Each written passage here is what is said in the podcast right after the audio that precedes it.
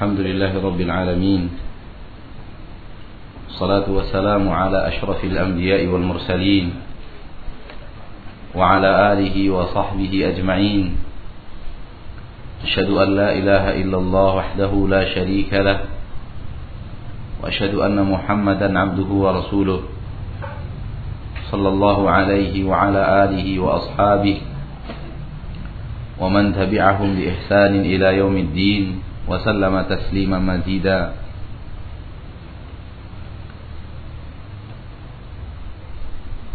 إخواني وأخواتي في الدين رحمني ورحمكم الله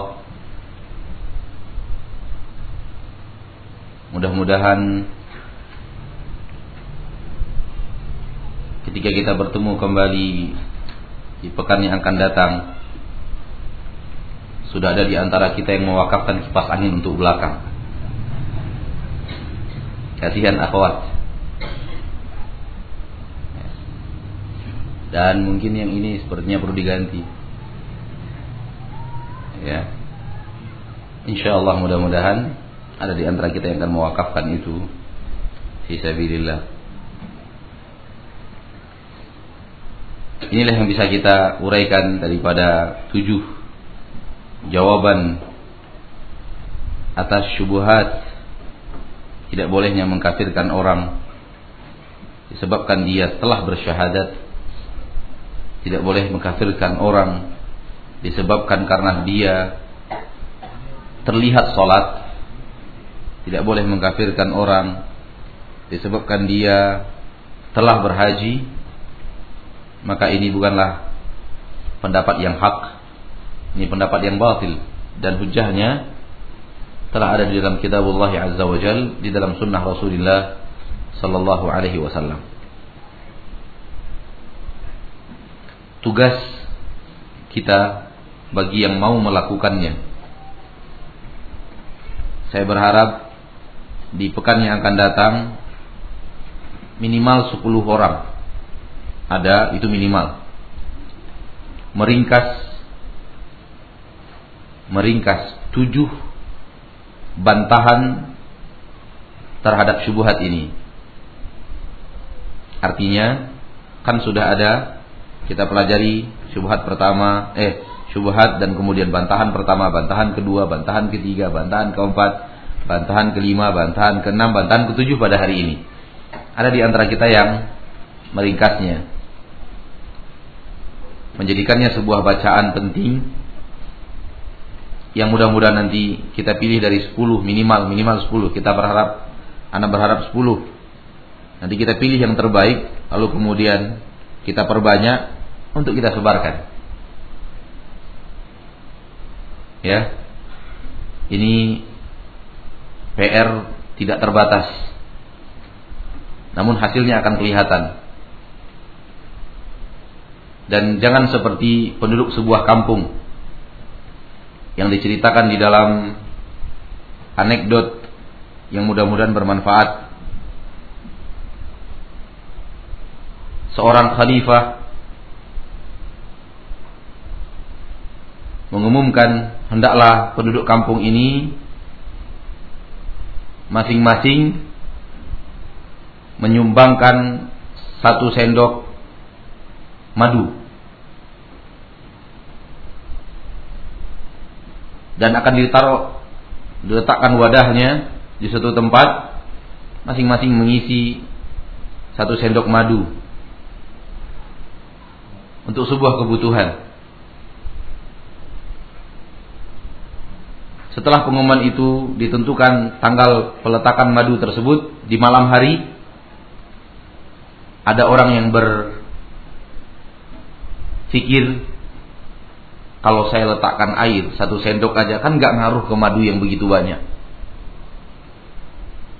Kalau saya meletakkan satu sendok air nggak saya isi madu, itu kan tidak ada pengaruhnya. Andai sekampung menaruhkan madu, hanya saya sendiri yang menaruhkan air. Lalu dia lakukan itu. Di saat giliran dia yang dia letakkan bukanlah madu, tapi yang diletakkan adalah air. Keesokan harinya cek, ternyata isi tong itu air semua. Berarti semua orang memiliki pola pikir yang sama. Jangan sampai seperti itu. Kalau saya nggak nulis kan berarti yang lain nulis. Banyak kok di majelis. eh ternyata datang jadwalnya pada nggak nulis semua gitu. Pada nggak nulis semua. Kita berharap minimal 10. Minimal ini. Insya Allah. Gitu kita menulis, kata orang yang rajin menulis, itu lebih lengket. Itu kata orang yang rajin nulis. Ya. Kata orang yang rajin ceramah, kalau diceramahkan lebih lengket. Ya. Ilmu itu subhanallah. Semakin kita keluarkan, semakin kita dapat. Mungkin dapatnya semakin kuat, semakin susah kita lupakan, semakin tajam kita mengucapkannya, semakin tajam kita menuliskannya, atau ada ilmu baru yang kita dapatkan. Atau ilmu baru yang kita dapatkan. Allah taala alam. Silahkan bagi ikhwan dengan pertanyaan-pertanyaannya. dan akhwat maaf ikhwan dan akhwat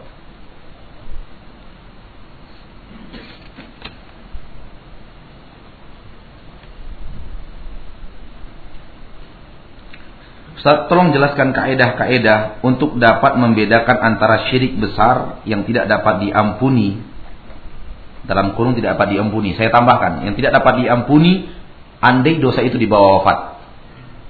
Karena dosa syirik besar bisa diampuni seandainya bertobatnya adalah sebelum wafat. Tapi kalau sudah wafat tidak lagi kalau sudah wafat dosa itu di bawah wafat tidak lagi akan dapat ampunan. Di sini tidak ada, tidak akan dapat diampuni itu saja. Saya tambahkan, tidak dapat diampuni apabila di bawah wafat. Apa bedanya dengan syirik kecil? Mohon disebutkan contoh keduanya. Insya Allah dengan membawakan contoh berikut ini, antum akan bisa membedakan mana yang syirik besar, mana yang syirik kecil. Contohnya kita ambilkan dari doa. Si A, contoh si A adalah orang yang berbuat syirik kecil. Contoh si B adalah orang yang berbuat syirik besar. Ketika dalam doa, si A dia berdoa begini. Ya Allah, ampuni dosa-dosaku ya Allah. Ya Allah, ampuni dosaku ya Allah. Lewat calon mertuanya, Ya Allah, ampuni dosaku ya Allah.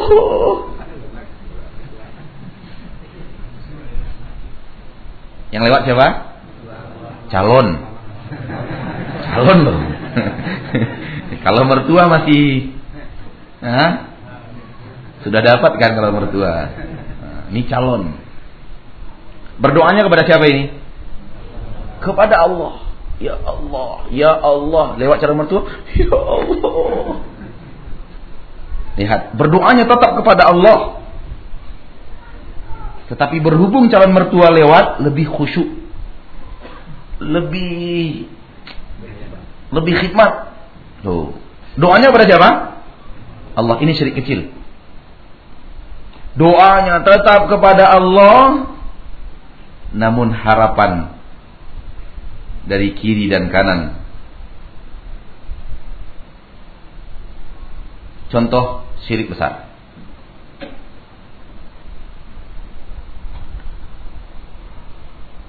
Wahai Syekh Burhanuddin, anak saya sakit.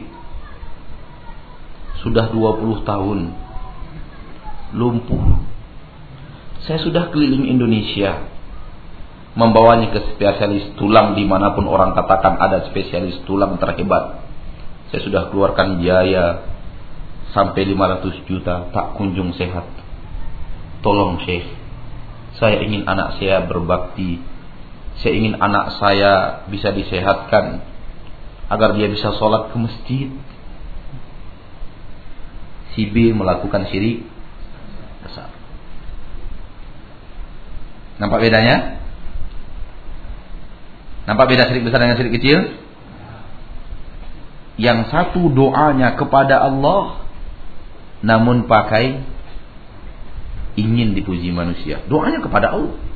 Dia nggak selewengkan kepada siapa pun. Yang satu doanya langsung kepada Syekh Burhanuddin dan yang semisalnya. Yang pertama syirik kecil karena ketika dia berdoa kepada Allah, ada harapan, ada persekutuan harapan kesyirikan. Yang satu langsung ibadah dipersembahkan untuk seorang hamba yang bernama Burhanuddin yang disebut dengan Syekh. Demikian juga contoh yang lain. Ya, demikian juga dengan contoh-contoh yang lain. Seandainya kita ambil contohnya adalah menyembelih kita menyembelih hewan kurban. Di hari raya Idul Adha gara-gara kita banyak duit kita langsung berkorban satu nama lima ekor sapi. Gitu. lima ekor sapi. Korbannya untuk Allah. Tapi kita berharap pujian dari manusia. Korbannya untuk Allah. Sapinya kita korbankan untuk Allah namun kita berharap apa? Pujian manusia. Hmm. Orang satu sapi bertujuh, dia lama lima sapi seorang. Subhanallah. Tuh. Itu syirik apa tuh? Syirik kecil. Yang syirik besar adalah bencana yang menimpa kita sekarang dikarenakan penghuni gua itu sedang marah. Penghuni sumur keramat itu sedang mengamuk. Maka kalau ingin selamat sembelihkan kambing coklat.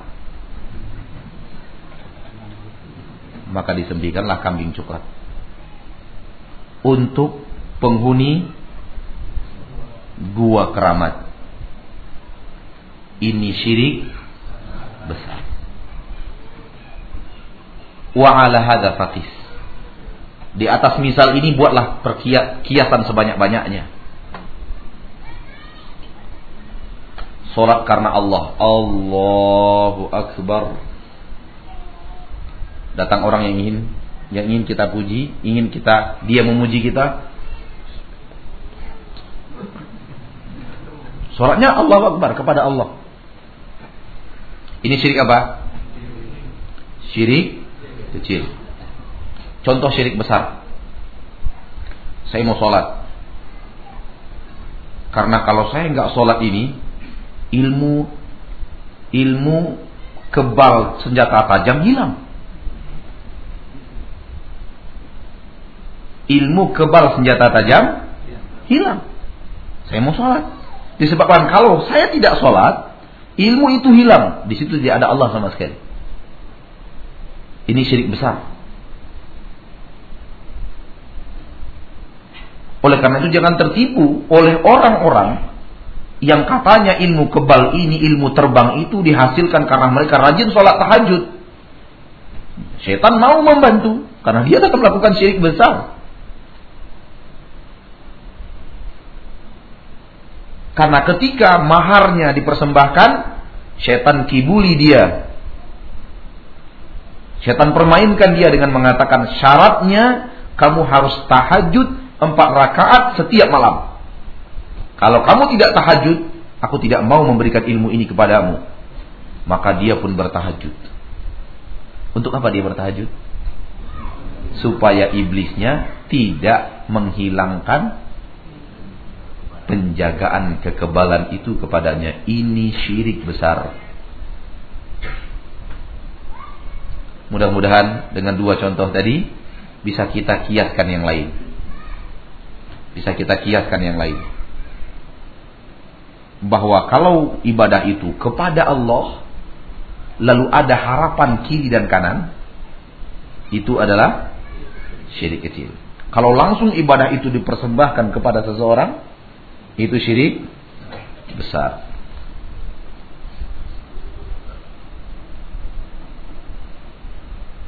Apakah apabila ada wasiat dari orang yang wafat untuk menginfakkan hasil dari suatu kebun tanaman kepada suatu badan Apakah boleh kebun tersebut diserahkan saja sekalian kepada penerima infak?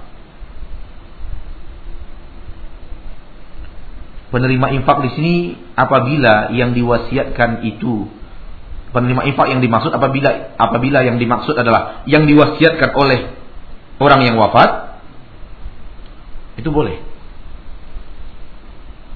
Itu boleh. Namun kalau seandainya tidak sesuai dengan wasiat mayat, maka tidak boleh. Karena di sini tidak disebutkan. Di sini disebutkan wafat seseorang lalu mewasiatkan hasil dari suatu kebun. Sekarang sama kebun-kebunnya kita berikan. Itu artinya ngurangi apa nambah? Nambah. Kalau nambah boleh. Kalau nambah boleh. Yang tidak boleh ngurangi. Boleh dikurangi dengan syarat. Apabila wasiat tersebut sudah melebihi sepertiga harta yang tinggal. Itu boleh dikurangi. Sampai sepertiga. Artinya begini. Ketika seorang ibu mau wafat, seperti saya pernah berdiskusi dengan salah seorang ibu kaum muslimin di depan anaknya, ia mengatakan, Ustadz nanti setelah saya wafat, saya ingin seluruh harta saya untuk dakwah. Tolong. Apabila wasiat ini benar-benar ketika itu kita ajarkan bahwa itu tidak boleh. Ya, kita ajarkan bahwa itu tidak boleh. Boleh hanya maksimal adalah sepertiga. Dan sepertiga itu kata Rasul, wasulusu kathir. Sepertiga itu sudah banyak. Kalimat ini kata para ulama adalah sebuah uh, apa namanya kata yang tidak langsung itu apa namanya apa terus terus Hah? ini uh, ah secara langsung lah yang paling terima kasih pak Kalimat Rasulullah ini adalah sebuah kalimat yang saya tidak langsung mengatakan kalau bisa jangan sepertiga. Sebuah kalimat yang mengandung makna udahlah jangan sampai sepertiga lah. Karena Nabi mengatakan sepertiga dan sepertiga itu sudah banyak. Ketika Nabi mengatakan sudah banyak, di situ ada isyarat. Oh, itu yang saya maksud tadi. yang saya inginkan itu syarat hilang dari memori. Di dalam kalimat ini ada isyarat bahwa kurangkan lagi kalau masih mungkin untuk dikurangkan. Maka sebagian ulama mengatakan seperempat, seperlima, seperenam. Karena Nabi memberikan kata isyarat, tiga itu banyak loh. Itu artinya kurang aja. Sepertiga boleh.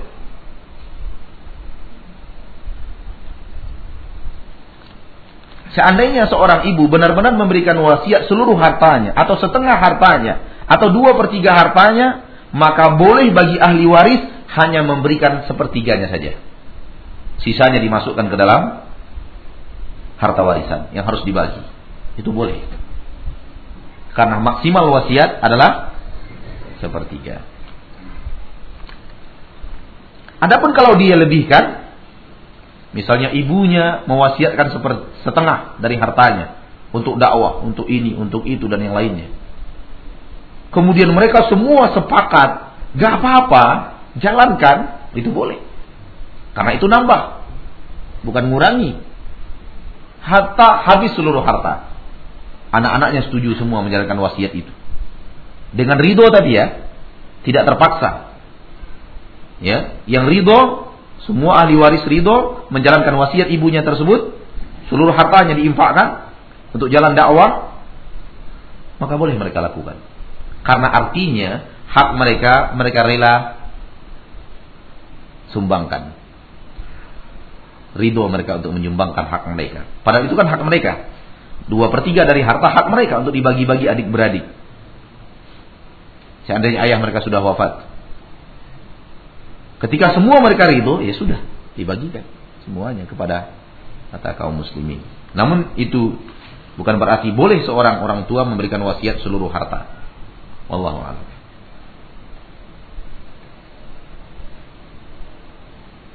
Mohon jelaskan seputar dalil tentang celak mata, teladan para salaf tentang celak serta hukumnya. Hukumnya sunnat. Memakai celak di mata yang berasal dari ismit dan itu merupakan obat mata.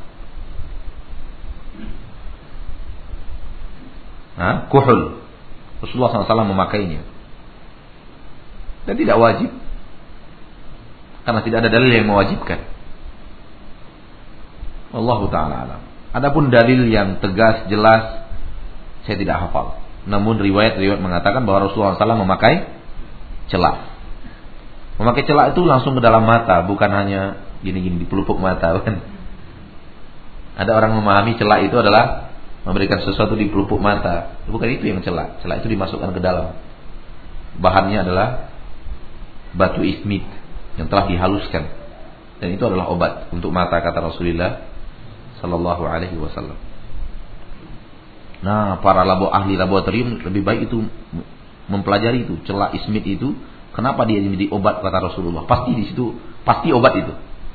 Nah, kalau ber, belum bertemu laboratorium antum belum canggih gitu. itu yang kita yakini.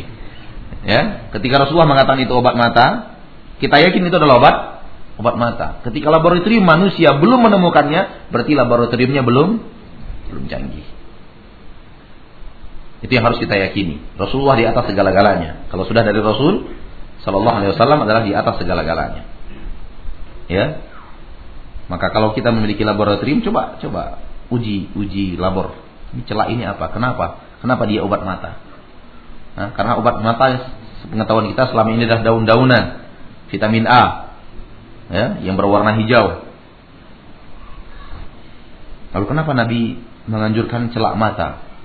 Ya, Apakah celak mata lebih bermanfaat dari ismit itu lebih bermanfaat daripada dedaunan? Buatkan laboratoriumnya untuk mengungkap kebenaran sunnah Rasulullah Sallallahu Alaihi Wasallam. Ya, kalau seandainya memang obat mata hanya hasil daun-daunan, kasihan orang yang tinggal di gurun pasir. Ke mana dia hendak mencari?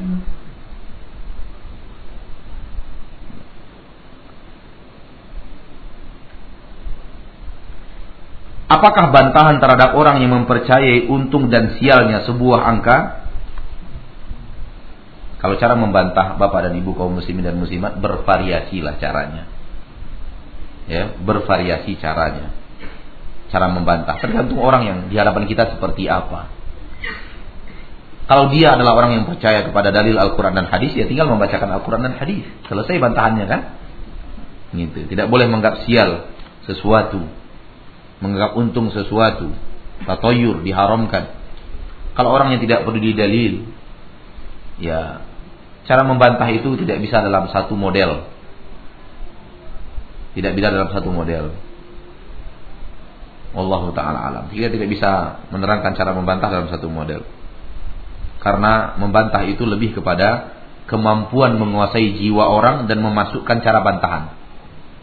Dan itu dihasilkan dengan rajin berlatih dan membaca kitab-kitab para ulama bagaimana mereka membantah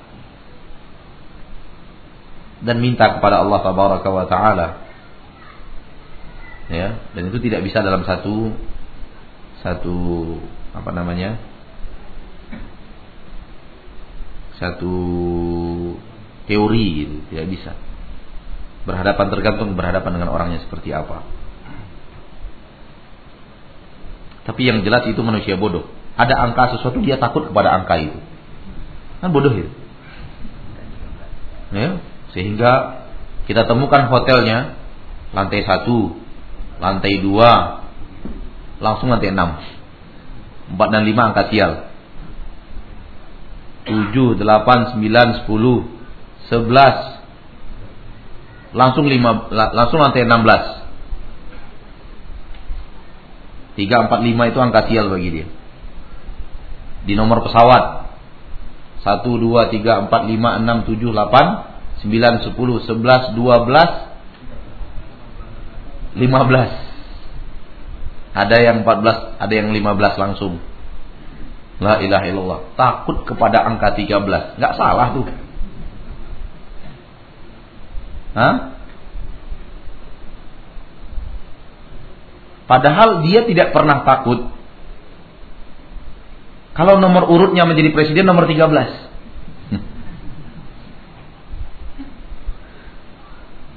Atau kemudian nomor urut partainya nomor 13, nggak pernah takut dia. Maka Islam telah menghilangkan seluruh merasa sial, merasa untung dari sebuah pekerjaan. Nggak boleh. Ya, tatoyur itu namanya dalam bahasa Arab, dalam bahasa syariat diharamkan. Merasa sial dan merasa untung dari sebuah pekerjaan. Di dalam sebuah cerita dari khalifah-khalifah yang bertatawur, tatayur. Ada tatayur orang-orang itu kalau di hari pertamamu bertemu dengan orang cacat, itu hari sial. Hari sial kalau hari pertama orang yang Anda temui itu adalah orang orang cacat.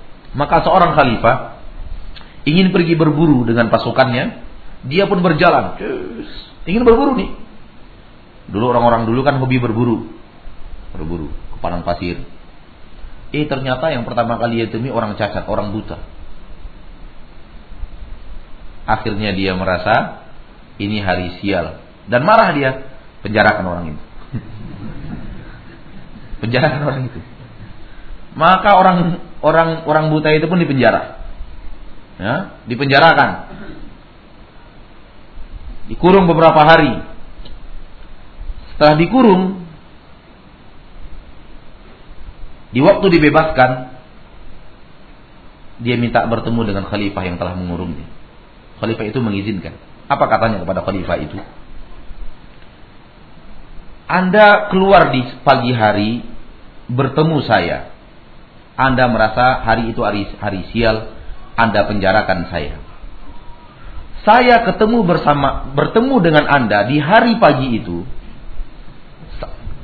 Saya masuk penjara.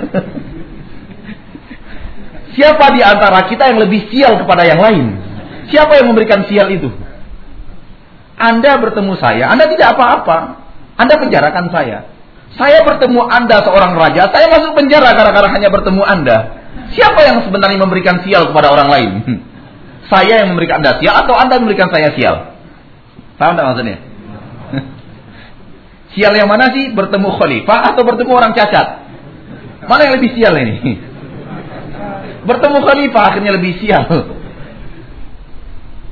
Akhirnya khalifah itu tertawa mendengar ucapan orang ini dikasih hadiah untuk pulang. Itu diriwayatkan dalam cerita-cerita di dalam kitab-kitab sejarah. Ya, ternyata orang cacat ini lebih lebih sial ketemu khalifah dibanding ketemu orang cacat. Gitu.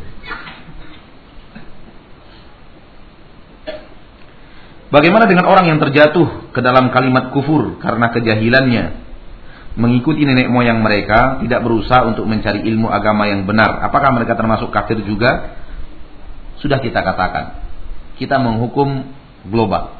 Individu ada hukum tertentu. Ya.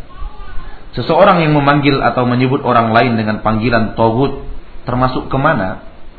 Termasuk ke dalam hadis Nabi Muhammad SAW Termasuk dalam hadis Nabi SAW, "Man qala li aki li akhihi ya kafir, faqad ba'a biha ahaduhuma." Barang siapa yang berkata kepada saudaranya wahai kafir dan togut adalah kafir. Barang siapa yang berkata kepada saya wahai kafir, maka kafir itu kembali ke salah satu di antara orang itu. Dia tidak akan ke mana.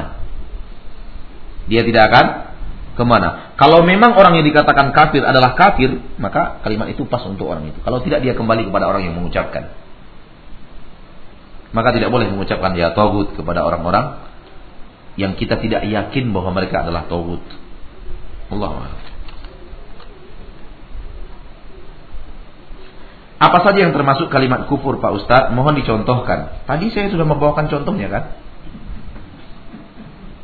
Kalimat-kalimat yang berbeda dengan apa yang Allah terangkan, mengingkari satu hal yang telah Allah terangkan, mengingkari suatu sunnah yang jelas, tidak percaya kepada hukum Allah dalam Al-Quran, mengatakan hukum Allah dalam Al-Quran itu tidak manusiawi, tidak cocok dengan zaman sekarang, hukum jilbab tidak lagi wajib, tidak benar hukum yang ada di dalam Al-Quran, pembagian waris di dalam Al-Quran menzolimi kaum wanita, ini semua kalimat kufur.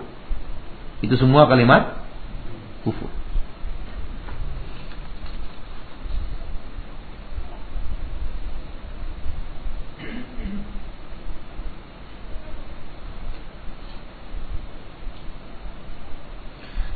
Apakah imam yang memimpin doa setelah sholat berjamaah?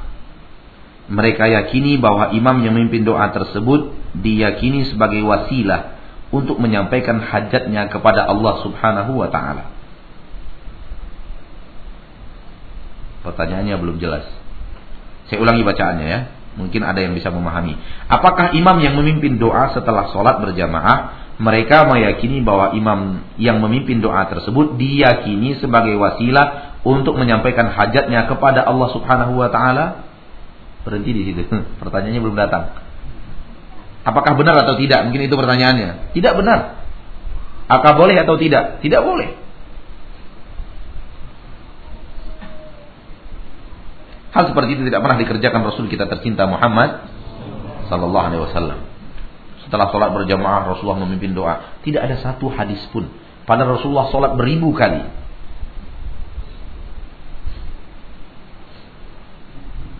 Ya, lebih daripada sekian ribu kali Rasulullah sholat bersama kaum muslimin. Tidak pernah ada satu riwayat pun mengatakan Rasulullah itu memimpin doa bersama. Tidak ada. Maka buktinya bahwa itu tidak ada di zaman Rasulullah SAW. Dan hadis Dhul Yadain, hadis seorang sahabat yang bertanya kepada Rasulullah ketika Rasulullah SAW salah dalam melakukan salat isya. Salat isya Rasulullah lakukan dua rakaat saja. Yang lain diam.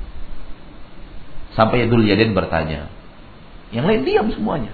Menunjukkan bahwa Rasulullah tidak memimpin doa ber kalau Rasulullah memimpin doa bersama, maka riwayat yang akan datang adalah Zulyadain bertanya kepada Rasulullah setelah doa bersama selesai. Kan gitu kan?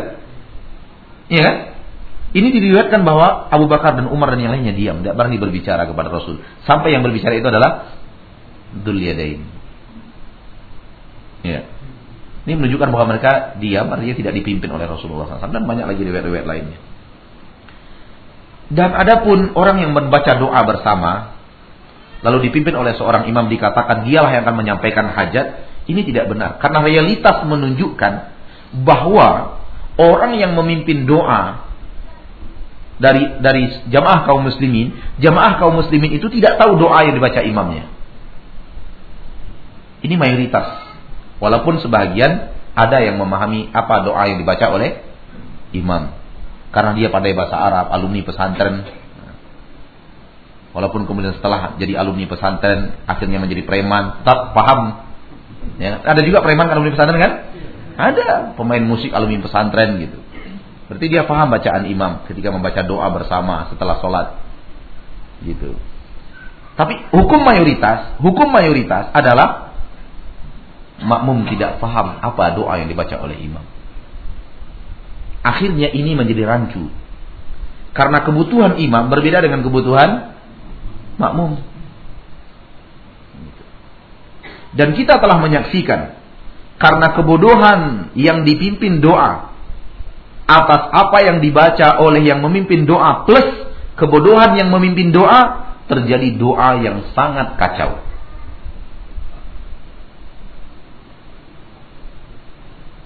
Saya menemukan dua doa yang sangat kacau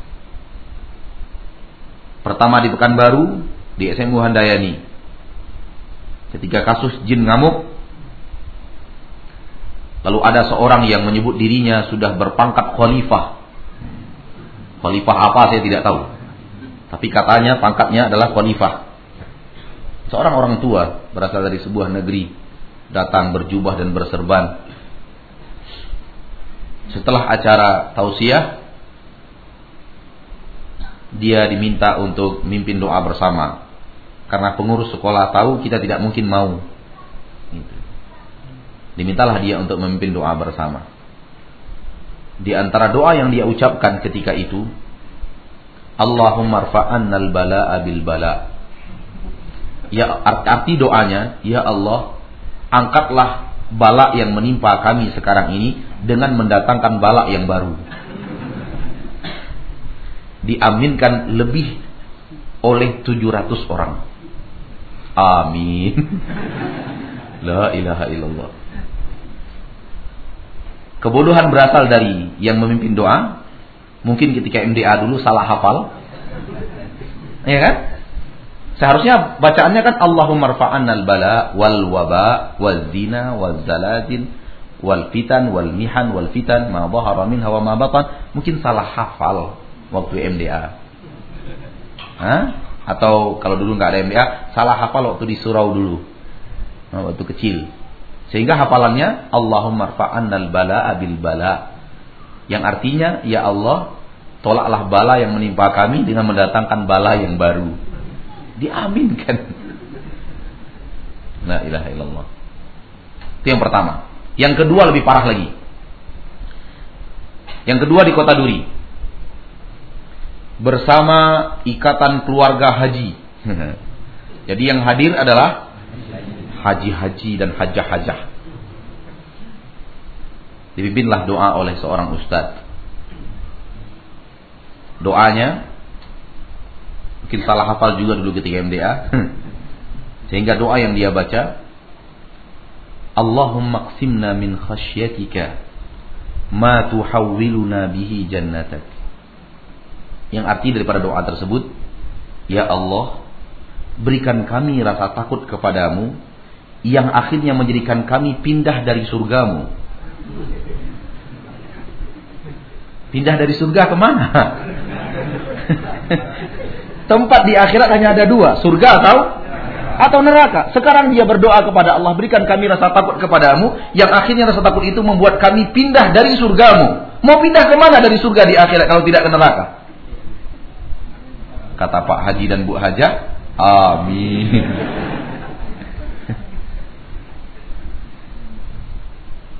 Lihat kebodohan. Ustadznya ustadz di pesantren. di pesantren, ustadz pesantren. Namanya Ustadz Ahmad. Lihat, ketika tidak mengerti. Dan itu disebabkan apa? Disebabkan kaum muslimin tidak mau belajar doa. Hilang semangat belajar doa. Kenapa hilang? Kan ada nanti pakih yang berdoa. Kita tinggal ngaminkan aja kok. Hah? Ada nanti ustadznya berdoa itu. Ketika tidak ada, cari-cari, cari. Datang, kasih amplop. Sehingga didatangkan ustadz di sebuah acara murni untuk baca doa bersama. Iya kan? Kalau tidak karena itu dia tidak akan diundang. Karena dia tidak diundang untuk ceramah, dia tidak diundang untuk yang lainnya. Dia hanya diundang untuk setelah makan bersama selesai baca doa. Berarti niat mereka mengundang benar-benar untuk baca doa itu. Eh, ternyata doanya begituan. Lihat kaum muslimin. Ketika kita dididik untuk tidak peduli doa, disebabkan ada orang yang akan membacakan doa tinggal aminkan saja, hilang semangat belajar berdoa yang baik yang benar kepada Allah taala. Karena sudah ada wakil. Coba kalau kita dididik untuk doa sendiri-sendiri. Ya Allah, saya mau berdoa ini. Saya bisa doa, saya harus bisa berdoa hafal doa di bagian doa yang ada dalam Al-Quran, cari doa-doa yang ada di dalam hadis, ya. Seperti kawan-kawan kita yang mau berdoa dalam bahasa Arab di dalam ruku dan di dalam sujud, maaf, di dalam sholat di tahiyat yang terakhir, berdoa pakai bahasa Arab, pakai Indonesia Indonesia, saya ragu-ragu terima apa tidak nih doa dalam dalam sholat pakai bahasa Indonesia. Termotivasi untuk kemudian belajar doa dalam bahasa Arab, mencari doa yang ada di dalam Al-Quran, mencari doa yang ada di dalam hadis, menghafalkannya, gitu. Akan tetapi setelah dididik dengan cara yang tadi, timbul malas belajar doa di tubuh kaum muslimin. Setelah diwakilkan kepada orang-orang yang benar fakih, benar-benar fakih. Mungkin buya-buya dulu gitu yang memimpin doa dulu-dulu, mengerti semua karena kita lihat buya-buya kita yang dulu, jangankan buyanya, muridnya saja udah bisa baca kitab, ya kan? Ya enggak? Pesantren-pesantren yang dulu, kakek-kakek kita, itu jangankan buyanya, murid-muridnya pandai baca kitab gundul. Seperti alumni-alumni Darun Nahdo, alumni-alumni uh, dari Musa, apa uh, pesantren Parabe, Pak Santawalib, itu murid-murid saja udah pandai baca kitab, bisa mengartikan Al-Quran. Ya. Nah, itu dulu zaman kakek kita. Pindah zaman ayah kita turun kaliber ustadz dan buyanya. Zaman kita turun lagi kaliber ustadznya. Datanglah ustadz-ustadz yang salah dalam menghafal doa ketika MDA. Kita nggak tahu ustadz yang datang di masa anak kita seperti apa lagi nanti doanya. Oleh karena itu tidak benar kaum muslimin. Doanya harus diwakilkan kepada orang. Minta doa kepada orang boleh. Minta doa kepada orang boleh. Dan soal doa mendoakan orang lain juga boleh dalam bentuk yang tidak ditentukan. Misalnya Suatu saat saya melihat orang sakit, saya pergi, tolong aminkan doa saya ya. Saya berdoa lalu dia aminkan, tidak ada masalah. Boleh. Tapi tidak ditentukan. Hanya dalam bentuk apa? Insidentil. Ya. Itulah doa yang diaminkan oleh Nabi Muhammad dari doanya Jibril sallallahu alaihi wasallam. Nabi Muhammad pernah mengaminkan doa Jibril dan kata para ulama Nabi Harun juga pernah mengaminkan doanya Nabi Musa. Wallahu taala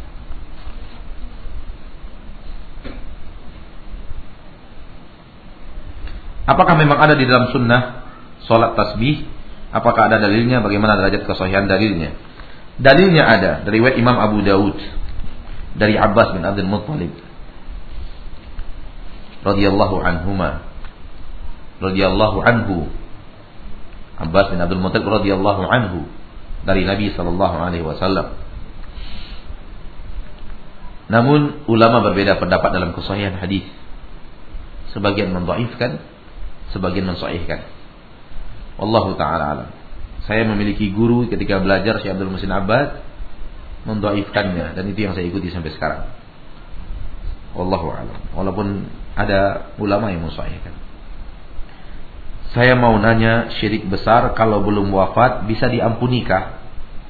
Ya, sudah kita jawab tadi kan? Ya. Sudah. Apa buktinya? Buktinya Umar radhiyallahu anhu pernah terjebak ke dalam syirik besar. Diampuni enggak? Bahkan dijamin surga ketika masih hidup di dunia. Itu buktinya syirik besar bisa diampuni ketika kita mohon ampunannya ketika kita masih hidup. Ya. Oleh karena itu, maksud daripada ayat tidak akan diampuni adalah ketika orang sudah wafat. Karena ketika hidup, bukti sejarah Nabi Muhammad yang sangat banyak menunjukkan orang yang taubat daripada kesyirikan dan kekufuran ketika masih hidup Allah terima. Maka maka ayat itu hanya bisa dipasang setelah wafat. Allah a'lam.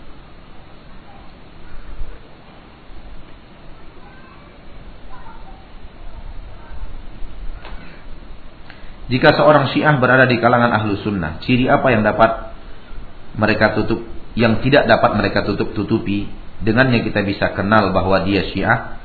Hal ini sehubungan dengan sifat dusta mereka seperti yang pernah Ustaz sampaikan.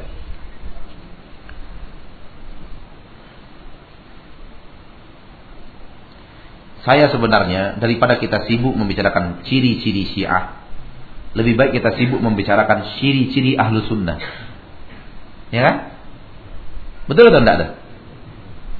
Saya memang tidak setuju. Daripada kita sibuk membicarakan apa ciri-ciri Syiah, lebih baik kita membicarakan apa ciri-ciri Ahlu Sunnah. Karena ketika kita bisa mempelajari apa ciri-ciri Ahlu Sunnah, kita bisa mengamalkannya. Ketika kita tahu apa ciri-ciri Syiah, belum tentu belum tentu kita ketemu orangnya. Kata para ulama, "I'rifil haq ta'rif ahlahu." Ketahuilah yang hak, niscaya kamu tahu siapa orang-orangnya. Dalam kalimat lain, dalam kata-kata lain, i'rifil haq ta'rif didahu.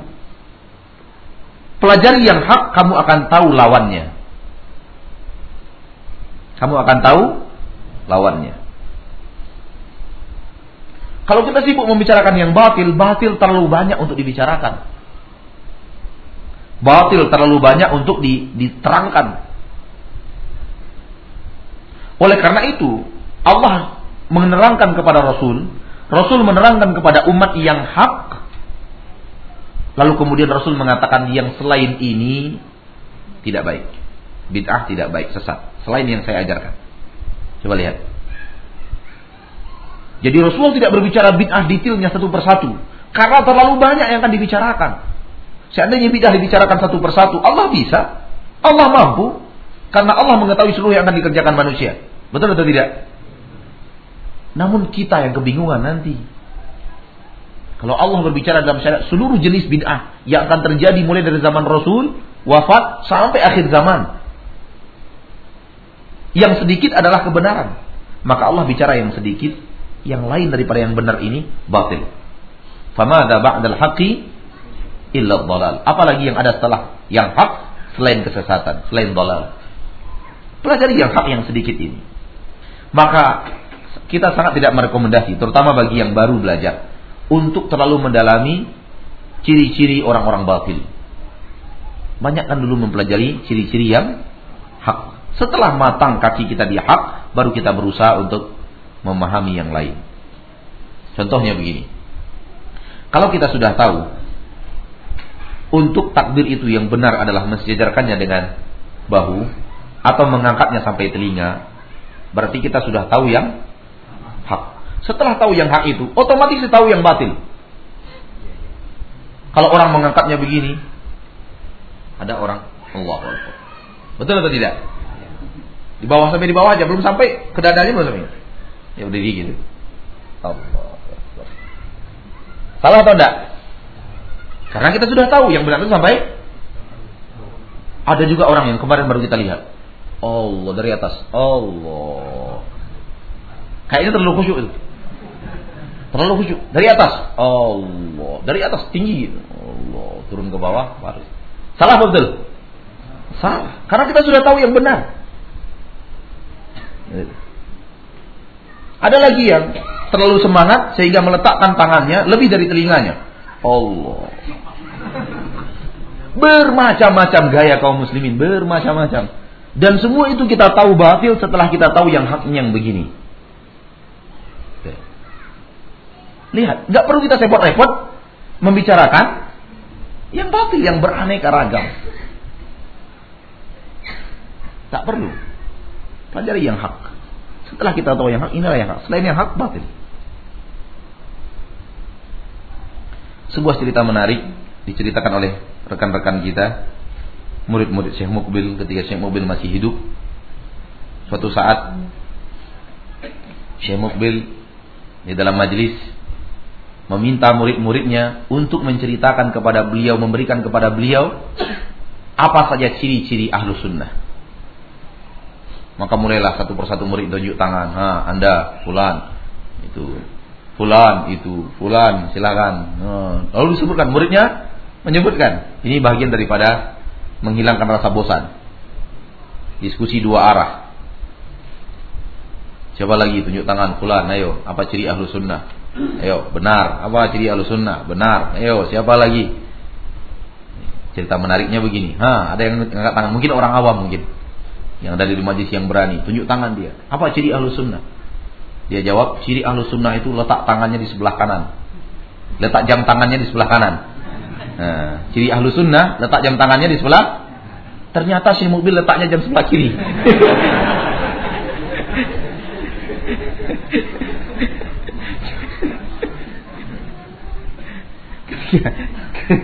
ketika orang itu ketika orang itu menyebutkan ciri ahlu sunnah letak jam tangannya di sebelah kanan saya mau melihat jam tangannya saya di sebelah kiri majlis tertawa seperti antum tertawa ya itu berasal dari orang yang tidak mengerti ciri ahlu sunnah yang mana yang harus ahlu sunnah adapun permasalahan ini walaupun kemudian kita meyakini lebih baik diletakkan di sebelah kanan, itu bukan bukan berarti yang meletakkan di sebelah kiri bukanlah ahlu sunnah.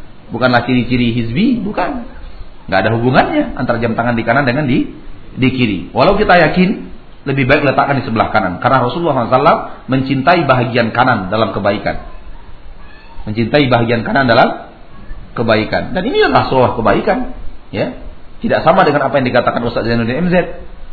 Memang kamu yang berada di bawah tapi begitu saya beli jam kamu yang pakai. Kan gitu kan? Masuk logika juga. Logika kita.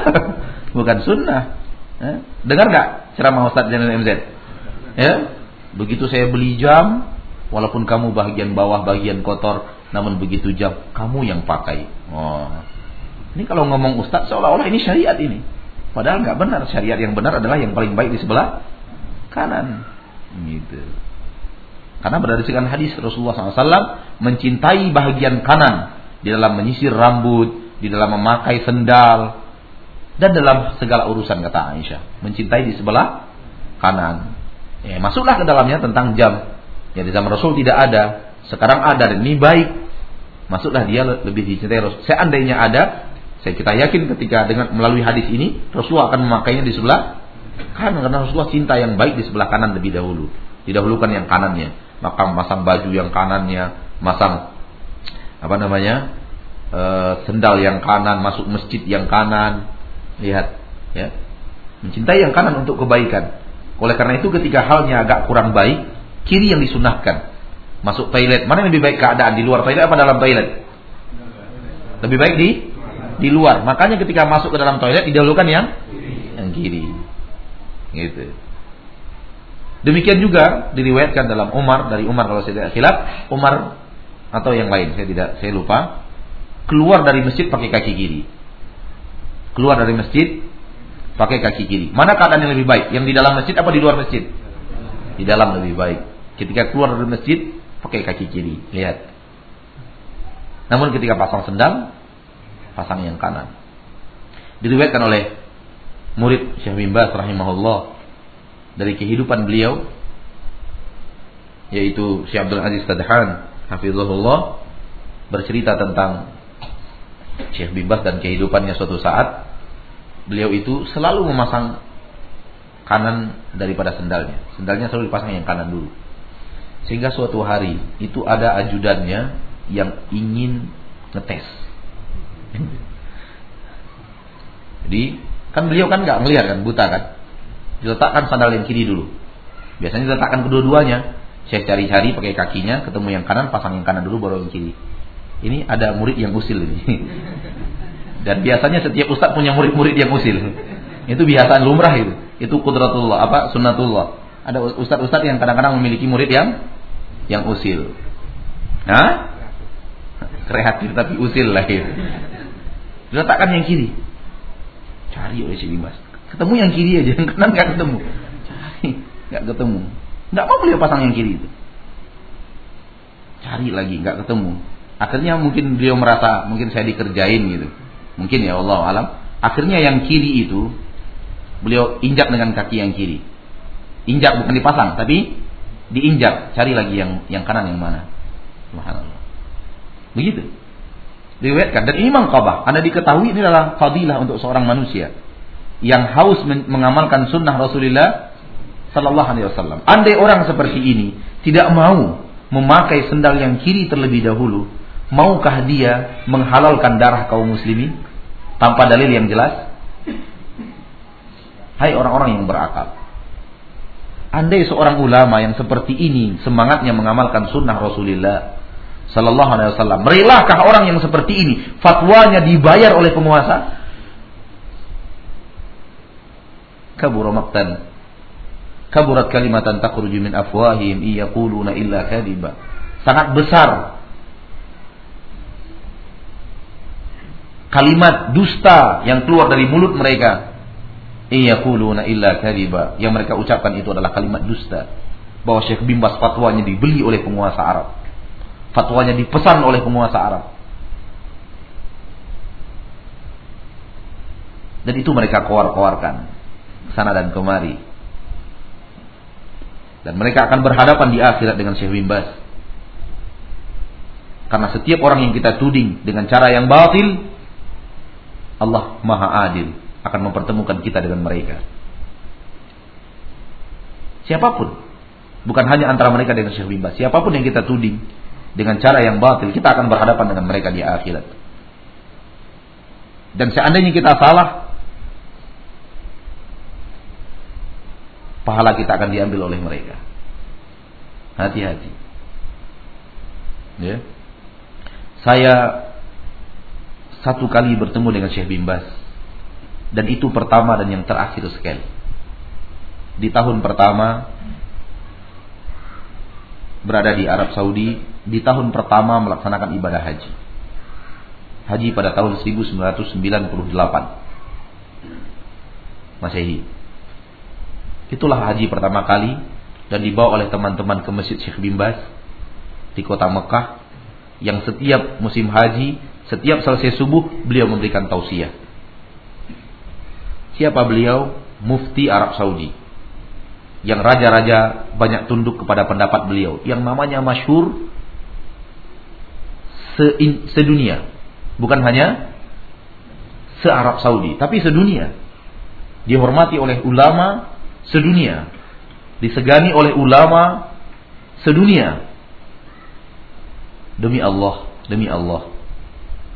Ketika saya melihat beliau, yang pertama kali yang saya lihat, kelihatannya baju saya lebih mahal daripada baju beliau. Baju yang saya gunakan, saya mahasiswa Indonesia, dikasih beasiswa, tinggal di negeri orang.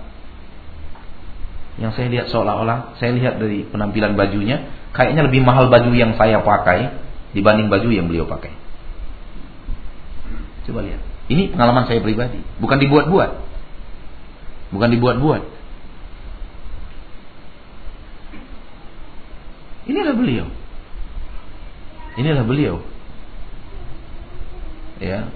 Apa mungkin orang-orang seperti ini, orang-orang seperti ini fatwanya dibeli, dipesan gitu, dipesan. Sehingga kemudian dihalalkan ini, dihalalkan itu, yang harusnya haram dihalalkan, yang harusnya halal diharamkan. Kaburat kalimatan takhruju min afwahihim yaquluna illa kadhiba. Mereka tidak mengerti fikih. Namun terlalu semangat. Semangatnya melebihi ilmunya.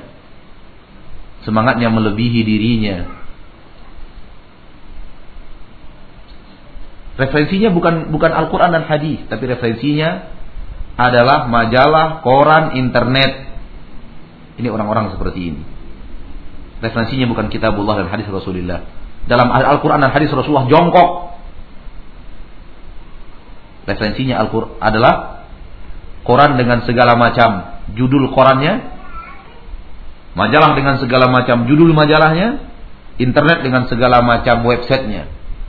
Itulah rujukan mereka, referensi ilmu mereka.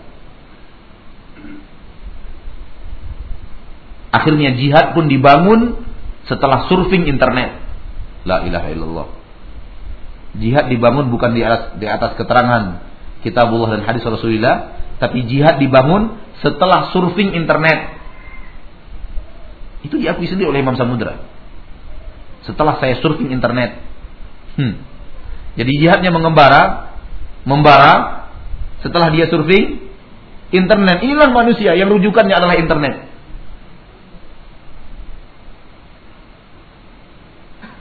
Padahal secara logika ilmiah, apa tidak mungkin kita ditipu oleh internet itu? Jawabnya pasti bisa. Apa tidak mungkin kita ditipu oleh majalah? Jawabannya pasti iya, mungkin. Apa tidak mungkin kita ditipu oleh koran? Jawabannya pasti. Bukan sekedar iya, tapi pasti. Lalu kalau kemudian rujukan Anda koran, majalah, dan internet. Apakah berhak Anda untuk menyombongkan diri di hadapan orang-orang yang hafal ayat Al-Quran, hadis-hadis Rasulullah, menghatamkan ratusan kitab, kitab para ulama. Bagaimana Anda memahami syariat? Dan anehnya yang seperti itu dilakukan oleh anak yang belum tamat fakultas ekonomi. Belum tamat lagi. Masih masih kemarin sore tamat SMA. Berani berbicara tentang para ulama. Berani berbicara tentang bahwa ulama ini begini, ulama itu begitu dan semacamnya. La ilaha illallah.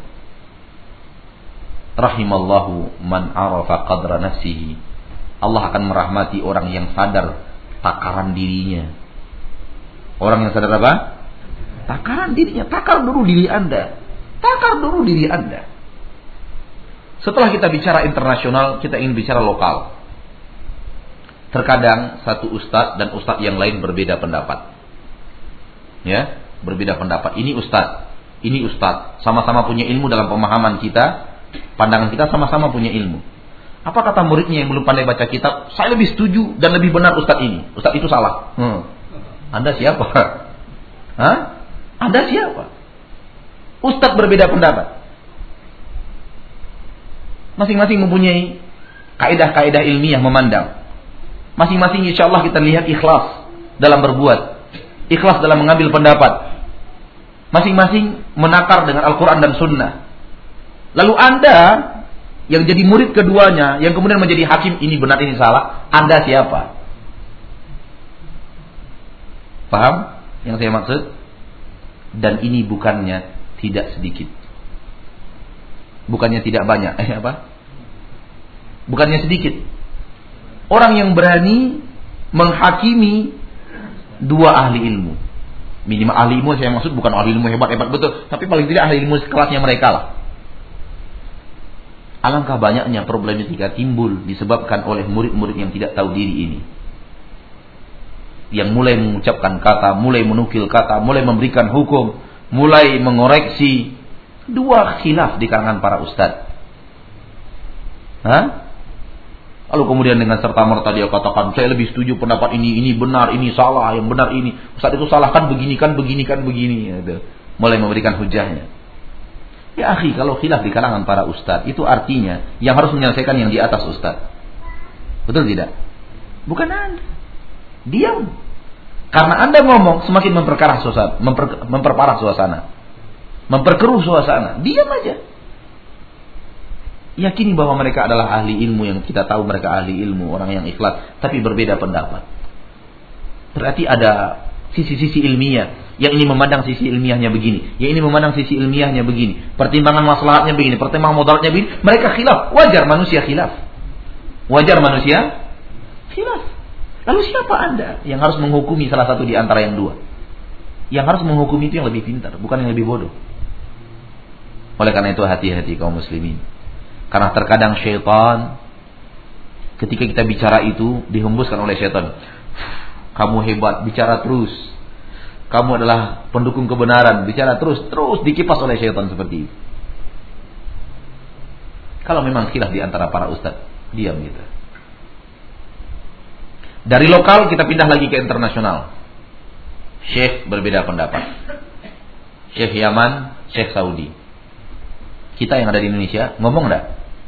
Jangan ngomong, diem, tutup, ambil lakban, tutup mulut kita. Gak perlu ngomong. Kalau syekh dengan syekh, yang sesama syekh sudah berbeda pendapat, yang bisa menyelesaikan itu syekh yang lebih tinggi daripada mereka. Kita siapa? Gak ada artinya kita ngomong. Diam. Karena tidak mungkin mereka berbeda pendapat kalau tidak ada konsekuensi ilmiah, tidak ada kaedah-kaedah ilmiah. Yang saling mereka pandang, ini memandangnya dari kaedah ini, ini memandangnya dari kaedah ini terjadi perbedaan pendapat. Akan datang kepada kita berita-berita bahwa syekh ini tidak sesuai dengan syekh itu. Syekh ini tidak sesuai dengan syekh itu. Akan datang kepada kita. Kita selaku talibul ilm, penuntut ilmu yang baru, yang masih kerdil, yang ilmunya belum seberapa, Al-Quran tidak hafal, apalagi hadis. Gak berhak untuk memutuskan.